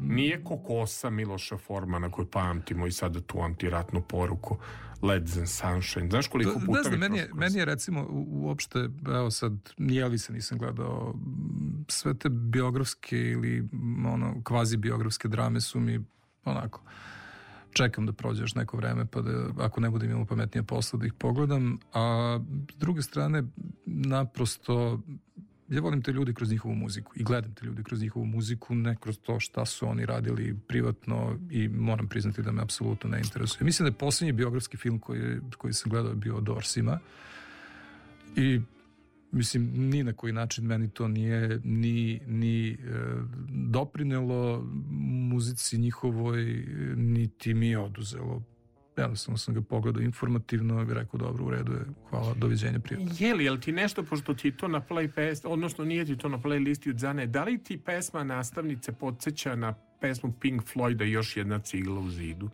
Imaš li tu Da, paralelu tu, tu, ja... e, recimo, ta pesma Leto koju sam izabrao, e, nju su maznuli posle neki Grci i vrtili su je kao ozbiljan hit e, u Grčkoj. E, tako da ta vrsta ono prelivanja taktova na kraju krajeva Goran Bregović je majstor što se toga tiče tako da ne bismo previše ni grešili ni ulazili u to. E, Dragane, Dragano, naše, malo ćemo da skačemo po playlisti da bi ušli u novosadsku scenu. Imaš tamo, na primer, Leto, grupa Zana, pa onda odlučujem se za veseliju pesmu da bi sa mojim gostom e, Miroslavom Stajićem, je tako, pričao o Ne, ne znam novosadskom. kako se zove. A, pa ima veze te dok da kažem drugo ime da se ti zoveš Dragan Stajić, ali to je ginekolog, tako da ovaj u principu uh, Stajićiću Stajić, jel tako? Vrlo sjajan karakteristično. koji, Znaš ga? mi- Pa, mislim, Ja me- međusobno se ono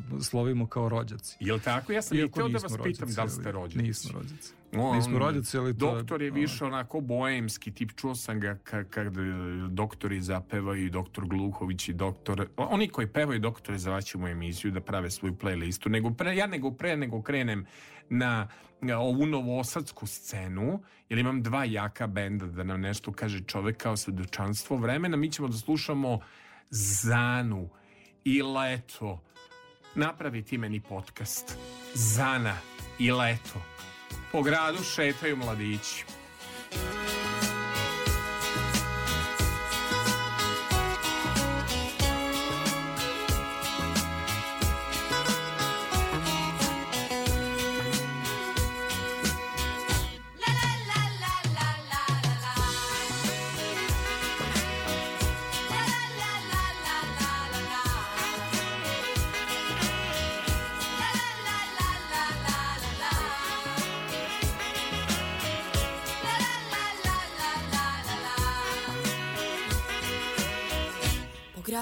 Šetaju mladići. Nema sumnje, neki će mi prići. A ja dobra devojka Ne znam šta su letnje šeme Ništa ne shvatam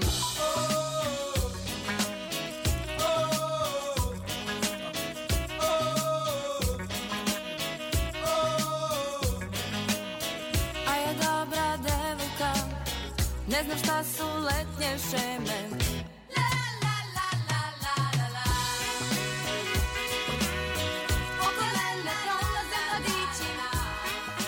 Moram da ubrzam. Moj gost, Miroslav Stajić, jeste vi rod vas? iz- Kako objašnjate Nisam. Stajić? Da, ali Kako objašnjaš Beograđanima? Koristim, koristim to prezime kada me neko iz Beograda kao kako je rekao Miroslav Stajić, to vam je kao i Vasa Stajić, samo nismo ni rodi pomoz Bog. Dobro. Reče mi ovo dete od 17 godina, Čala, jako ti je zanimljiv podcast, radiš ovo. Ne, to je to podcast, to je radio stanica, u javni servis i tako. Ne, ne, ne, to je podcast, to se zove podcast, danas pričaš o podcastu. Da li je tebi Zanan Imani e, jedina prava? No, pa, meni pevačica grupe se- Zana. Pa meni se Zana završila sa Zanom Nimani, tako da Jel? sve posle toga nisam Što ne znam slušao, gde sad, znam. U Kanadi, da umorim Mislim da jeste le- da je nešto preko. Ja, jako je bila harizmatična i tako hladna. E, meni ona bila seksi, mislim, sad otvoreno pričam generacijski, tako hladna mi je iz nje neki vulkan zananima, Ja- pričam o zananima. Ja samo znam da je, e, budući da sam kao klinac igrao odbojku, e, da sam bio oduševljen činjenicom, naravno, pročitao sam negde da se zabavljala sa čuvenim trefom. Zabavljala? Smečerom. Da, koji je igrao za VGSK i onda je to bilo kao, a yes, kao konačno. I- No, nije se udala za njega. Dobro, jel ona je i rod isto političar bila onom nimanju nešto? Nemam pojma. Ne, kako ne znaš te detalje? Mi Ma, ovde znamo bre u Vijatela ko, ko su bile čerke ovog Cvjetina Mi- Mijatovića što je bio sa, sa Mirom E. Stupicom muž joj posle boja. Mislim, pričam ti o kakve podatke mi dajemo da te vratim sad malo na Slušaj, kad smo, kad smo kod toga, uh, odlazim u vojsku, 86. godina, uh, nije prošlo mesec dana, organizuje se u kasarni na Kljajić, Filip Kljajiću u Nišu, kao neka vrsta takmičenja, odnosno kviza, gde pobednik dobija vikend nagradno odsustvo. Jupi! Jeste. Ali problem je bio u tome što u celoj kasarni niko nije tačno odgovorio na tadašnje pitanja, a to je ko je bio predsednik predsedništva, ko je bio predsednik Skuštine i ko je bio predsednik vlade. su. To sam jedino ja mogu da kažem. Zato sam bio jedini izabran E, kao novinar. Nas kao klinca to nije interesovalo. Dobro, ali ja sam jedini bio izabran. Znaš kako sam ja iz Koprivnice prešao, um, što sam redovno čitao NIN i, i, i danas. Danas bio crveni NIN, bio tako, ovaj, ja sam i znao sve ko je Tanja Torbarina, kolumnistu, sve sam ja znao ko piše ekologiju NINu. Ja sam onda znao, a to je vidi, oni su se rotirali na godinu dana, ovaj, Išlo je to po ključu kao izbor za pesmu Euroviziju. Tebi jasno da je bilo po ključu. I odakle ide nedeljno popodne i ko ide na Euroviziju, da to nije sad bilo, nego ide to po ključu. Ali Ma- kad smo kod nedeljnog popodneva, Saša Zalipugin je bio Jel misliš? Ja, apsolutno. ko god da se pojavi od ovih Vidi, prvo je aerodrom ili film su predstavljali u nedeljnom popodnevu kod Saše pesmu. To se znalo. Kod Saše je gostovao bend kojih se ja posle toga počeo da slušam onako nagro, uh, Classic Snuo, uh, gostovali su tad u Zagrebu i uh, to je elektropop band iz tog talasa Juran Juran i društva. Saša ih je doveo. Zvučali su fenomenalno i posle toga sam kupio sve njihove albume koji su se pojavili i kod nas i preko. Kaži mi, molim te, ovaj, pošto nam jasno je, s obzirom da ja reklamiram emisije po društvenim mrežama, hteo ne hteo, bit ćeš po storijima, ja, meni su društvene mreže, kad mi kažu što su ti gosti interesantni ili kako radim, pa to je zahvaljujući društvenim mrežama, zato što sam ja da se uhapsim i da mi se oduzme telefon, da ne idem da na društvene reći da je mreže. ovaj gost interesantan, Ne, ali ne, možemo ti da meni zašto nosiš ti ovaj šal, je li to šal? Kao zaštitni imidž. Mnogi ljudi to nose, da ti navedem primjer. Palestinski? Ovaj. Ba da. A ne, do, do duše palestinski samo nosio i Jaser Arafat. Pa to je vuče još iz vremena dok, e, dok smo bili u Briselu, pa tamo sam na, na tamošnjoj pijaci sam uzeo koja je potpuno luda sa gomilom sveta raznoga iz, iz raznih zemalja i onda sam naleteo na prvo jedan e, onda sam naleteo na još jedan pa su mi kupili još jedan, a onda su mi umeđu vremenu nabavili i dva koje nisu crno-bela, nego su crveno-beli i koji ne nosim zato što sam partizano, partizanovac, izvinjavam se. Da, ali kad nekte, m, zapravo i tipa kad smo I- prigodno za promo radili, rekao si be, na mreže ne idem bez, a poslednji put si inače bio na mrežama kad sam ti predao kolumnu, odnosno Sneži predao Jeste. kolumnu, a ti Aminovo, mislim, govorim o tome kakav Nisam, si bio. nisam fan mreže i iskreno govoreći nemam ni vremena za to. Ono, A je, vidi meni sve. Ja koliko bude reakcija na story, ja računam e, i slušalce po, i to, to je meni piplometar više od svih. Dobro, znači, znaš ljude otprilike za koje je šal bio imidž ili to od Čire Blaževića pa do, ne znam, Da, Frane naravno. Lasića. e, e, mnogi su na šalu karijere, Jakša Čekić, mnogi, mnogi karijere su bile ovaj sa nekom tom mantrom obeležene. Ali nećemo o tome, moramo malo o novosadskoj pop rock sceni da progovorimo koju iz tvog generacijskog ugla. Zašto slušamo Balkan? On je 35. 6. uvek preko sindikata na more. kao klinci smo bukvalno odrastali uz, uz tu pesmu i uz taj ceo recimo e, taj, taj ceo neki novosadski ono milje, ja nažalost nikad nisam slušao Lunu recimo meni to Meni je to bilo alternativno. Pa, ali Je. stvarno, ono, Slobu jako volim i, i, i znam ga dugo, ali naprosto nisam. E, čak nisam kasnije ni, ni, ni obojni program nešto nisam specijalno slušao, ali ovaj neki taj, taj, neki baš onako e, te neke bendove koji su bili iz ajde da tako kažemo iz, iz e, ofa koji su dolazili Balkan i 35. 6. nije baš slušalo puno ljudi u Jugoslaviji, nije to baš bio neki ogroman hit kakvih si bilo u to vreme. Ali je nama kao klincima to jako leglo i baš smo ga slušali. Vidi. Baš smo tu pesmu slušali onako naveliko. S obzirom da između tebe i mene šest meseci razlika, mislim, generacijski ti to imamo, a pojedinci su se ovde rodili kad je izašao taj, taj album. I baš da im kakva će da bude redak, reakcija, redakcija. Specijalna će da bude redakcija.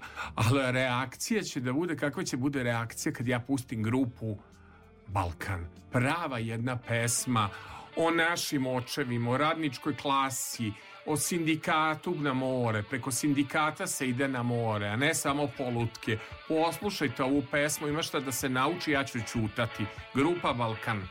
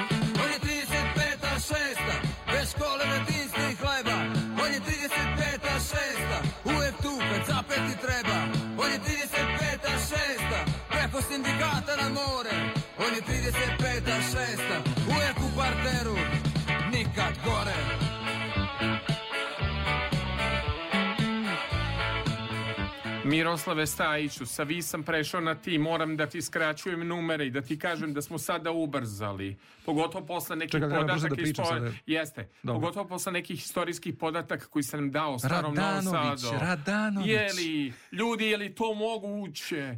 Jesi volao sportske komentatore na radiju? Naravno, I na Mladen- radio koga si? Mladena Delića. A, on je bio na televiziji. On Si je bio na volao sa televiziji. radija neke sportske Sa komentatore. Tomić Dobrivoje Janković. Jel? Dobrivoje Janković. Da. Si nekad za... e, subotom sa vama. Odnosno ne, Ja, posle sport- subot, sportska subota, vidi, subota. sećaš se svega. Si li nekad zapevao Stajiću narodnjak u životu? Priznaj ako smeš. Ja sam svirao sam narodnjaci u Pijem da je zaboravim, priznaj Pa, koji svirao si narodnjake u svirao. kafani. Koji si svirao?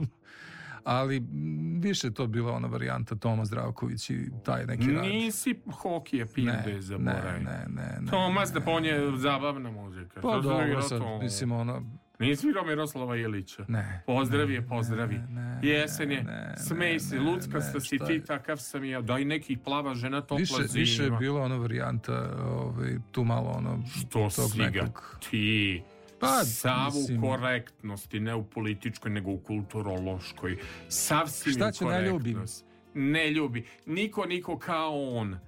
Naš gost Miroslav Stajić, znači mnogo lepih priča nam ispričali. Moramo, je bio DJ, DJ mora da Jesam. ubrza Pa mora sada. da se ubrza. Niko, niko kao ja.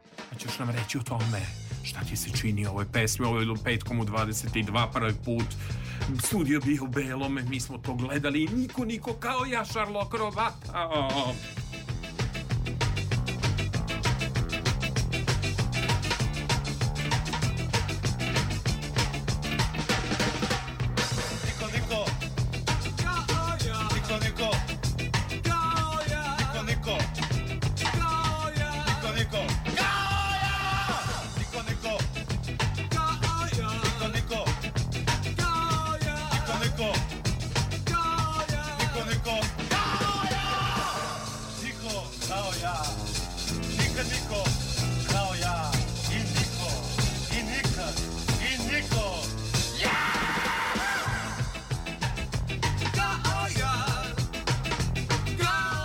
Rekao da je bio DJ, da je puštao pesme, a on zna da i u ovom poslu i životu od naslova u novinama do vođenja programa mora da bude neka dinamika, mora da bude intriga, takav je novinarski posao, takve su njegove i televizijske emisije, takvi su njegovi tekstovi, pamte se. Znači ja sam sad odlučio da više nema. M mi je dakle svoju playlistu da kažem dao, ja sad moram da vršim dinamiku. Hoćemo onda na plamene po- zore. Sad i po smo davili ljude. Nismo, da, pa popreko. kakve si dao istorijske činjenice, čoveč. Znaš Da, li da, ti osta- da si rekao, nema veze, bio si trovač, Da. vežbali smo malo da budemo, znaš kako bi rekao to, ovaj, Bora Todorović imao tu maestralnu vruće, malo smo malo tu bili, ša, malo ti tako, kako bih rekao, malo, znaš Boru Todorović, tu karakternu ulogu, mislim. Ja se, ja se više sećam one čuvene. Dobro veče. Maljčiki, grupa Idoli, dakle, i posle ćeš da mi kažeš da si nekad upoznao Vladu Divljana i kako, meni se taj film o Vladi Divljanu svideo. Upoznao sam Krstiću. I, a, dobro. A, Maljčiki, plamene za šapera? Ne. Dobro, i ja sam upoznao gostovo mi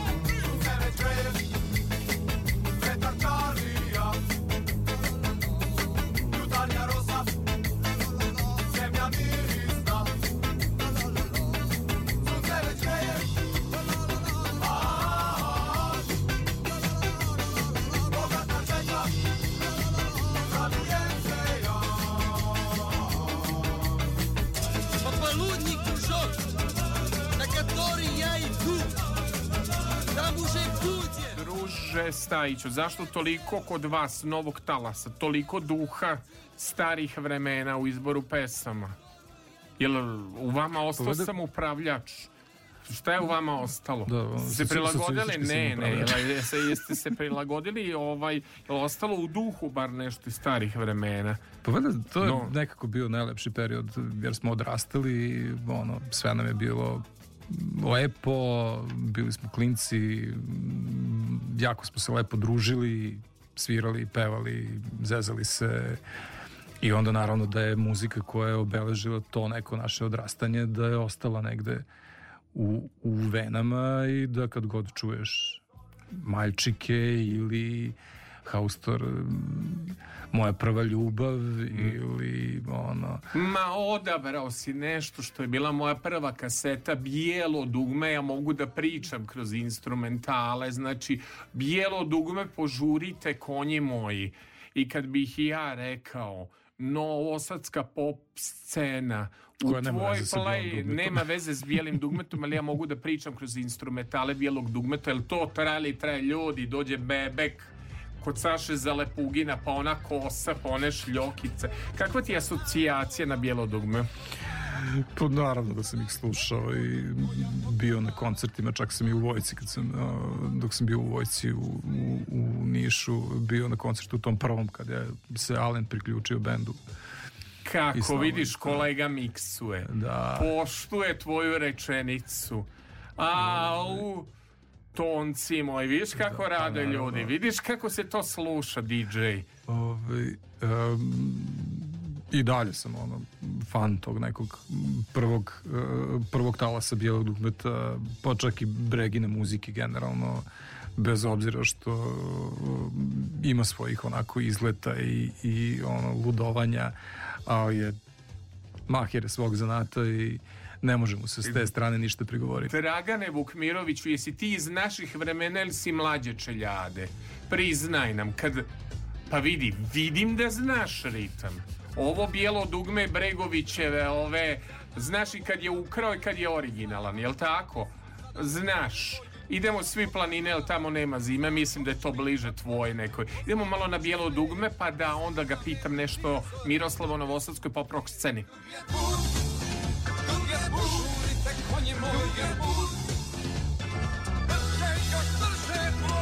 Brže jurite kroz noć Vidi kako lepo ubrzavamo emisiju, bili smo kao trovači, govorili smo u mikrofon tiho i nismo tiho. uopšte, a ja Govorili smo tiho govorili smo nosili smo tiho. kucu sa sobom. Tako je. Reci mi sad jednu stvar, kada kažemo asocijacija novosadska pop rock scena, na tvojoj playlisti vidim dakle grupu Balkan, pa potom vidim i Đoleta Balaševića. Zašto se odabrao rani mrazi i razdeljak te ljubim? Što nećemo pustiti? Pošto su svi puštali hiljadu puta kod mene to u razdeljak te ljubim. Svima je to pesmica iz detinjstva. Pa, otprilike tako. E,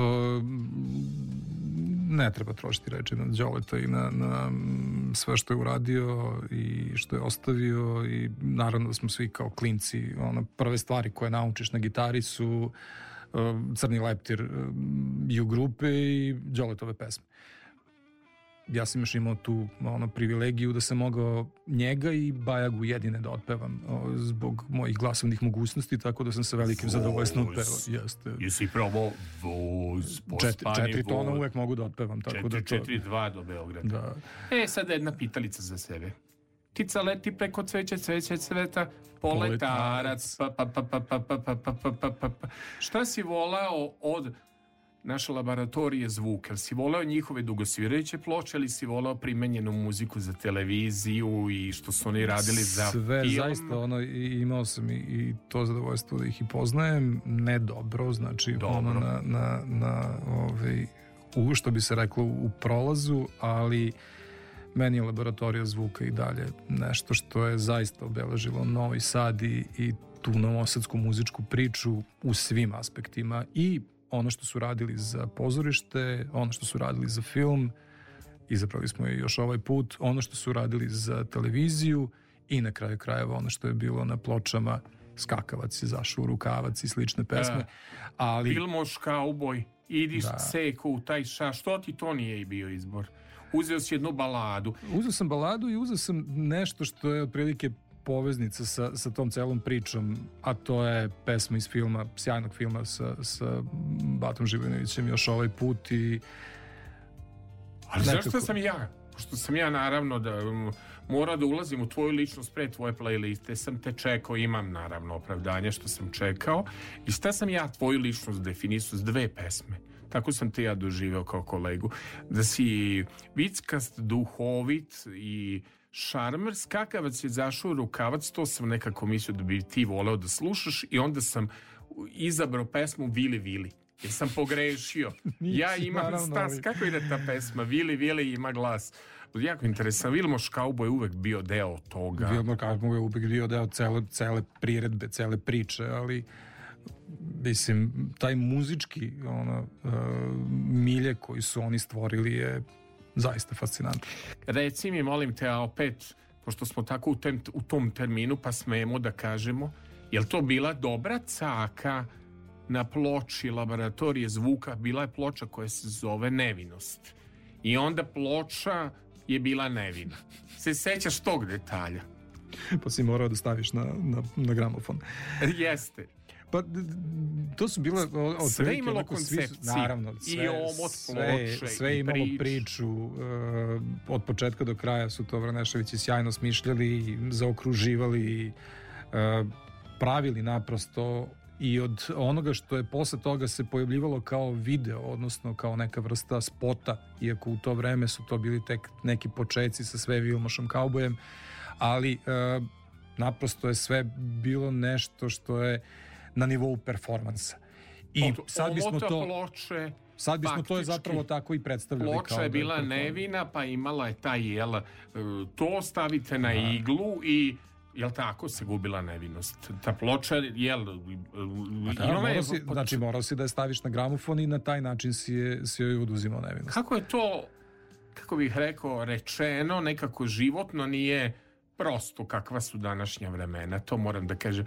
I za kraj, poštovani i uvaženi kolega, koji ti je ritam više odgovarao? Da li ti odgovarao onaj ritam da si bio trovač u prvom delu emisije pa nam pričao neke istorijske stvari ili ovaj sad kad sam te ubrzo rokersko ska novi talas ritam Da, koji ritam čovjek u godinama, meni više to polako, lagano. A ne, to, ja sam se prelagodio, a kaži mi sada ovo, inače svih mojih formata, karakteristika, to moje blizanačko skakanje, ako me razumeš, onda smo trebali da pustimo, mi plešemo. Pa znam da smo trebali da puštamo, mi plešemo, ali vidi, pošto ja mislim e, da si ti ipak jedan romantičan čovek, ja sam se odlučio ipak da lepo završimo Ajde, sa pričaj mi još... još malo o meni, to ono kao... Da, da mi završimo sa ovom kompozicijom još ovaj put. Hvala ti što si bio moj gost.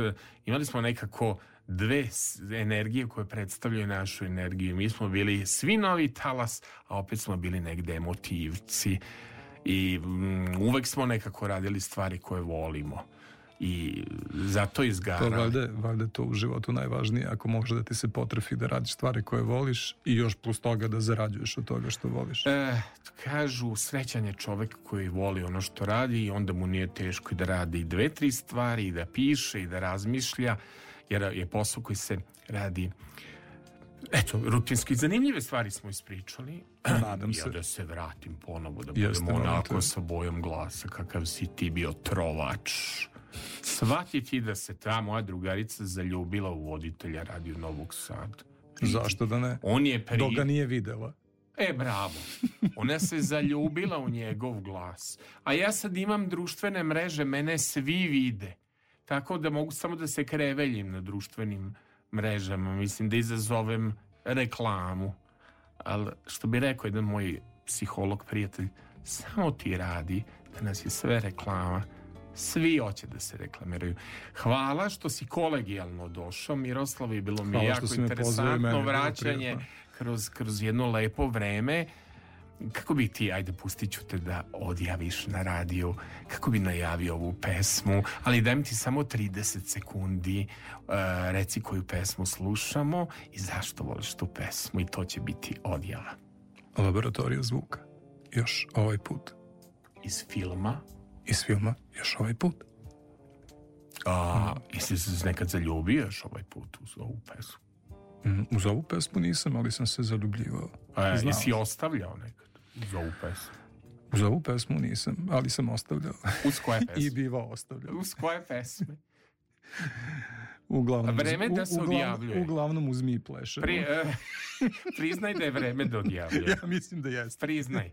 Tako sam te fino, znači sve lepo predstavio i sad kad ide onaj blok, o, treba odjavljivati kad je najslađe. Se slažeš sa mnom? treba reći ono kao dragi gledalci, dragi slušalci. Slušaoci, Ne, ne, slušaoci. dragi gledalci i dragi slušalci, pošto pa zbog društvenih mreža. Jel tako? Sve što smo- i sve što smo imali da vam kažemo, ispričali Kao TV lice, ja mogu da radim i na radiju i na YouTube, gde god hoćeš ti mene doživljaš kod TV lice. Sećaš se kad si mi ono prišao na ulicu. Dobar, dan, dobar, Dobro ja, vas, ja vas znam s televizije, jel tako beš? Upade me čovek, ja u sred jedem mekiku, upade me neki, poče da me kucka, jel tako bio naš susret u Futoškoj ulici? Da. Jeo sam pirošku i poče čovek da me kuca. Dobar dan, samo da vas pozdravim. Ja vas Ja znam sam s onaj što televi- ja, za- ja vam uređujem, Ja vam uređujem. uređujem kolumnu, odjavljujemo ljudi. Laboratorija zvuka i još ovaj put odjavljujemo.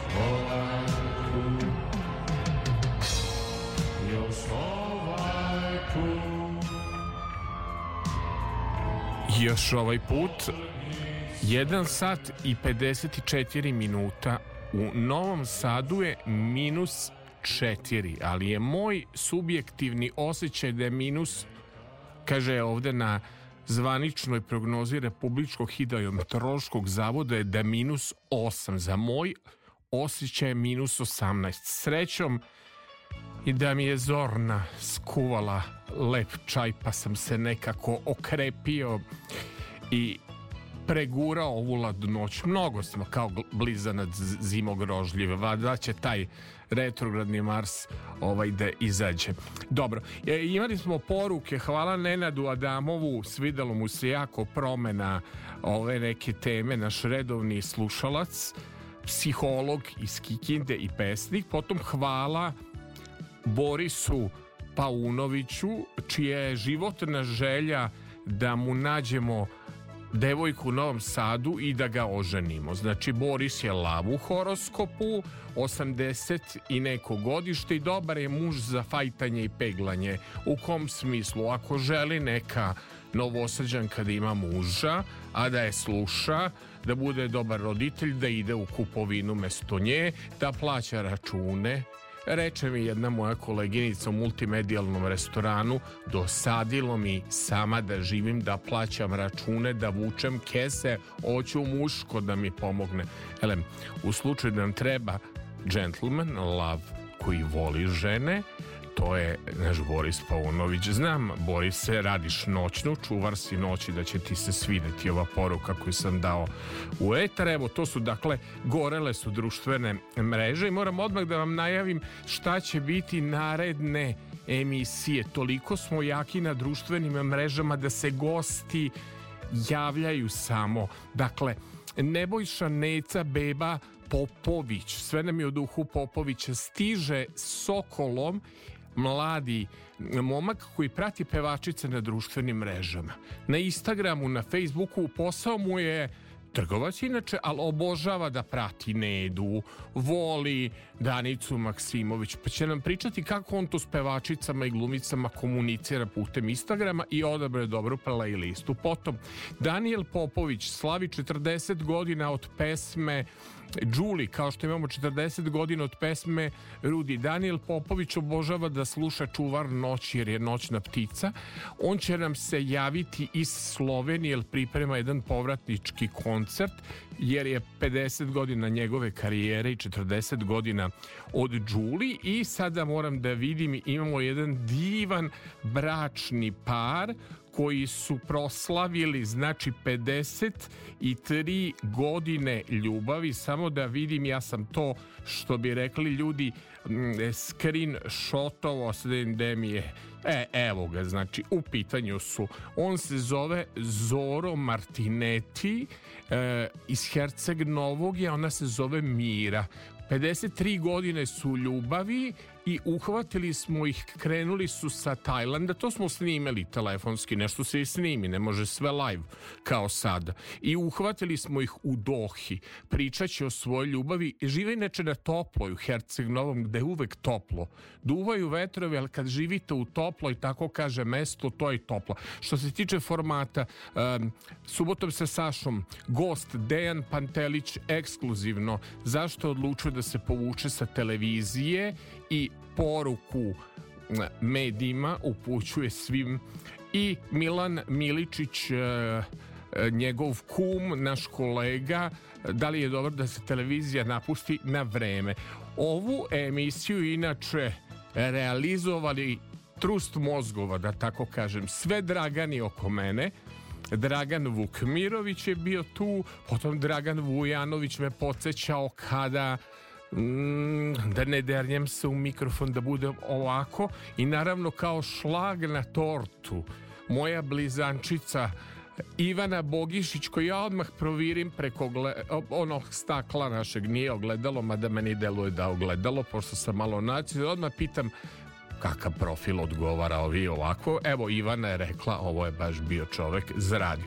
Naravno Zorna Đaković vodila računa o meni da, da, da sam ugrejan, da imam čaja i da je sve dobro organizovano. Divan mladi, 99. godište Stefan Vukčević nas je dovezao, Đorđe Pastornački je urednik noćnog programa i naša Milada Popović odgovorna urednica prvog programa Radio Novog Sada Jeru Knap Slušali ste još jedan čuvar noći, tačno dva sata, sada idu neke druge teme i druge stvari, a mi se doslušamo, do slušanja ili doviđenja. Radio Novi Sad.